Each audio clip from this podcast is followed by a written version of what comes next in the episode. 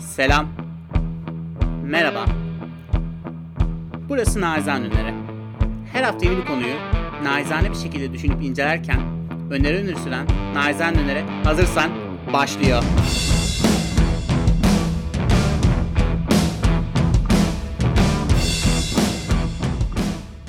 Selam. Merhaba.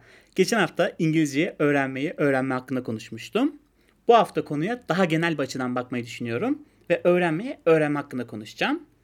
İlk olarak bu kavramın hayatıma nasıl girdiğinden bahsetmek istiyorum. Üniversite 1. sınıftayken zorunlu tarih dersi almıştım. Derse başlamadan önce lise zamanlarımda tarih dersini verimli öğrenemediğim için bu dersin nasıl geçeceği konusunda bir takım endişelerim vardı. Ama sonra iyi ki bu dersi aldım dediğim derslerden biri hatta en iyisi oldu. Ders almadan önce lisedeki tarih dersi gibi ezber yapıp sınava girmeyi planlamıştım. Ve ezberlemek biraz da canımı sıkmıştı açıkçası. Çünkü ezberleyerek çalışıp yüksek notlar almak mümkün oluyordu benim için. Fakat asla etkili bir şekilde öğrenemiyordum. Ama bu derste böyle olmadı. İlk dersten itibaren tarih gibi ezbere dayalı bir dersi çok seveceğimi düşünemezdim.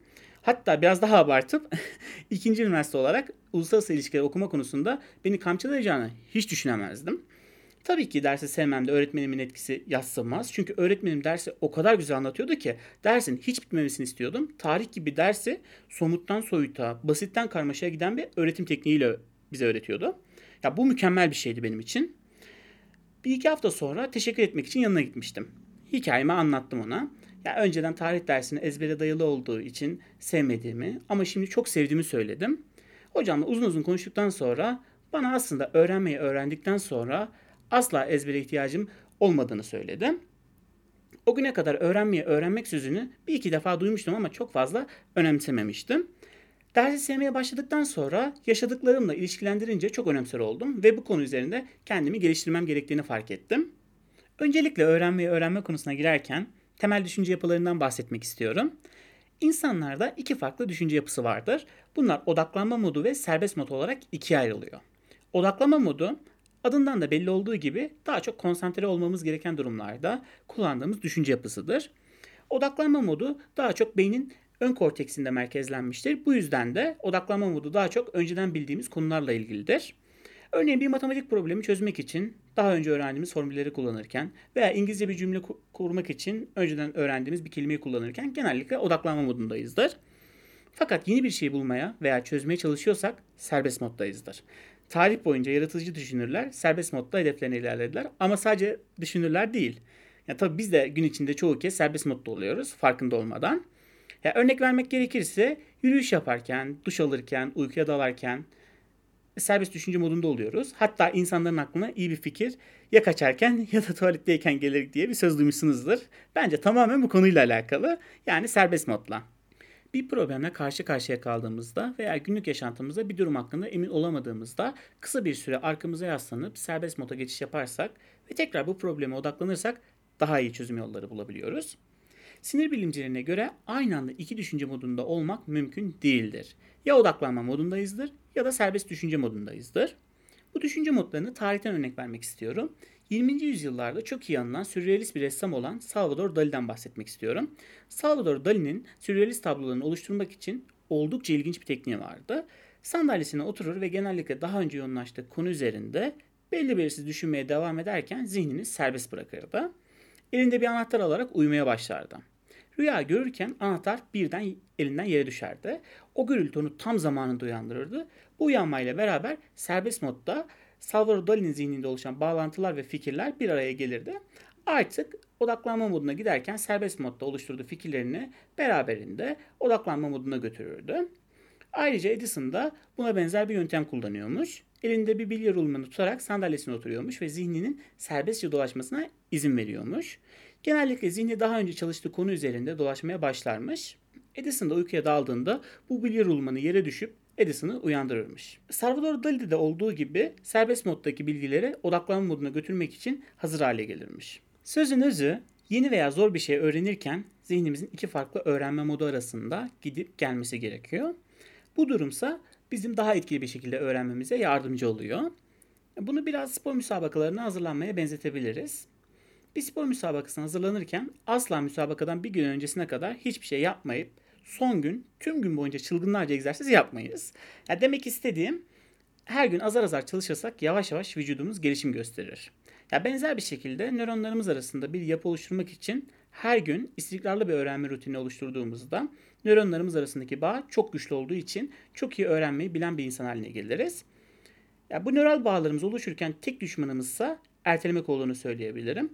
Bu yüzden ertelememek çok ama çok önemlidir. Hepimiz az ya da çok bazı işlerimizi ertelemişizdir. Eğer biz e, bir şeyin üzerinde çalışıyorsak diğer birçok şeyin üzerinde çalışmıyoruz demektir. Fakat bazı insanların diğerlerine göre erteleme ile ilgili daha çok problemi vardır. Şimdi erteleme davranışın derinine inersek aslında pek yapmak istemediğimiz bir şey yaparken beynimiz acı ile ilgili kısımları harekete geçer. Doğal olarak beynimiz dikkatimizi başka bir yere kaydırarak bu negatif uyarıcıyı durdurmak için çözüm arar.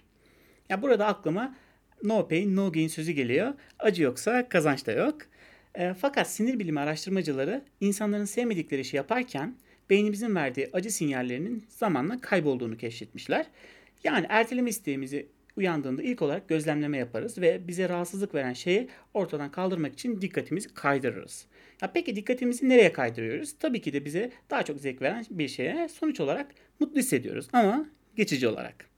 Ya ayrıca erteleme ile ilgili bir başka bir podcast yapıp bu konu üzerine konuşacağım. Fakat burada Pomodoro tekniğinden söz etmek istiyorum. Tek yapmamız gereken 25 dakika boyunca çalışmak istediğimiz konuya odaklanmak ve 25 dakika sonunda kendimizi ödüllendirmek. Ya ödüllendirme kısmı çok önemli. Ya bu ödül internette gezinmek, kahve içmek veya çikolata yemek gibi sizi mutlu edebilecek herhangi bir ödül olmalıdır. Fakat bu ödülün süresi 5 dakikayı geçmemelidir. Yani bu durumu aslında biraz önce bahsetmiş olduğum odaklanma modu ve serbest mod gibi düşünebiliriz. Bir şey öğrenmeye veya anlamaya başladığımızda beynimiz sinirsel bir yapı oluşuyor. Fakat bu sinirsel yapı çok zayıftır. Yani öğrenmek için yapmamız gereken odaklanıp çalışmaktır aslında. Fakat sonrasında biraz ara verip dikkatimizi kısa bir süreliğine başka bir şeye veririz. Rahatlama gibi görünen bu durumda beynimiz serbest moddadır ve arka planda çalışıp öğrenmemize yardımcı olmaktadır. Şimdi ise hafıza ve bellek sistemlerimizden söz etmek istiyorum. Bellek sistemimiz ikiye ayrılmaktadır. Bunlar uzun süreli ve kısa süreli belleklerdir. Kısa süreli belleğimiz o anda öğrendiğimiz veya bilinçli olarak yaşadığımız durumlarla alakalıdır. Kısa süreli belleğimiz merkezi prefrontal korteksimizin merkezinde yer alır. Biraz sonra bahsedeceğim beynimizin bir başka kısmında bulunan uzun süreli belleğimize erişebilmemiz için ise bağlantılar bulundurur. Kısa süreli belleğimiz yazı tahtası gibi düşünebiliriz. Fakat çok iyi bir yazı tahtası değildir. Çoğunlukla üzerinde çalıştığımız şeyleri tekrar etmemiz gerekir. Yoksa bu tahta hemen silinmektedir. Bu yüzden tekrar edip uzun süreli belleğimize aktarmalıyız. Uzmanlar kısa süreli belleği bir yazı tahtasına benzetirken uzun süreli belleği de bir depoya benzetmektedir. Fakat bu depoya depoladığımız bilgiye erişebilmemiz için sık sık bu depoyu ziyaret etmemiz gerekir. Uzun süreli belleğimize bir şey depolarken sinir bilimciler bir konuya bir gün boyunca yoğun bir şekilde çalışmak yerine her gün azar azar çalışmayı önermektedirler. Ayrıca bir konuyu öğrenmeye başladığımızda çok fazla teorinin içinde kaybolmamamız gerekiyor onu uygulamanın bizim bu konuyu gerçekten öğrenmemiz yolunda bizi kolaylaştırdığını söyleyebilirim. Hatta kendi hayatımdan örnek vermek istiyorum. Üniversitedeyken çoğunlukla teori ve uygulama derslerinin arasında birkaç gün oluyordu. Fakat bir derse özel önce teorisini öğrenip hemen sonrasında uygulamasını yapıyorduk. Ve bu yöntemin çok faydalı olduğunu düşünüyorum. Hatta o derste öğrendiklerimi en ince ayrıntısına kadar hatırlıyorum şu an. Hemen öğrendikten sonra uygulamayı çok değerli buluyorum. Kendi öğrenme sürecimde de bu metodu uygulamaya çalışıyorum. Çok çalıştığımda bazen beynimin durduğunu hissedebiliyorum. Bu durumlarda genelde yürüyüş yaparım. Bu yürüyüşün bana çok iyi geldiğini söyleyebilirim. İlk zamanlar bu yürüyüşleri zaman kaybı gibi görüyordum. Fakat pandemiyle beraber evde kaldığımız dönemlerde verimimin çok düştüğünü fark ettim. Sonra yürüyüş yapıp tekrar masa başına oturduğumda daha kolay bir şekilde öğrendiğimi fark ettim. Bu yüzden yürüyüş hayatımın bir parçası haline geldi. Bu durum beni çok ama çok mutlu ediyor. Öğrenme ile ilgili farelerle yapılan deney hakkında bir video izlemiştim. Bu video deneyi yapan kişiler fareleri ilk olarak dolaşabileceği ve diğer farelerle etkileşim içinde olabileceği bir kafese koymuşlar. Bu kafesteki farelerin yalnız yaşayan farelere göre beyinlerindeki nöronların arasındaki bağlantılar iki kat daha fazla kuvvetli olduğu görülmüş. Yani bu deneyle insanların öğrenme sürecinde birbirleriyle etkileşim halinde olması daha iyi sonuçlar ortaya çıkarmaktadır. Hatta bir konuyu bir başkasına anlattığımızda öğrenme oranı %90'lara kadar çıkmaktadır. Ayrıca son olarak başarının illa zeka ile ilişkilendirmek doğru değildir. Eğer kişi bir konu üzerinde çok tutkulu ve inatçıysa bu kişinin başarılı olması kaçınılmazdır. Podcast'in sonuna gelirken naizane kitap ve TEDx videosu önereceğim. Kitap olarak Necdet Bükülmez'in Beynimi Öğrenmeyi Öğreniyor kitabını öneriyorum. Okuduğumda bende çok farkındalık yarattı. Kendi öğrenme yöntemimi ve diğer öğrenme yöntemlerini tanımamda çok faydalı oldu. TEDx konuşması olarak Emrah Safa Gürkan'ın çok eğlenceli ve faydalı bulduğum öğrenmeyi öğrenme konuşmasını izlemenizi öneriyorum. Beni dinlediğin için çok teşekkür ediyorum. Eğer senin de naizane bir önerin varsa açıklamalar kısmından bana ulaşabilirsin. Haftaya kadar kendine iyi bak. Görüşürüz.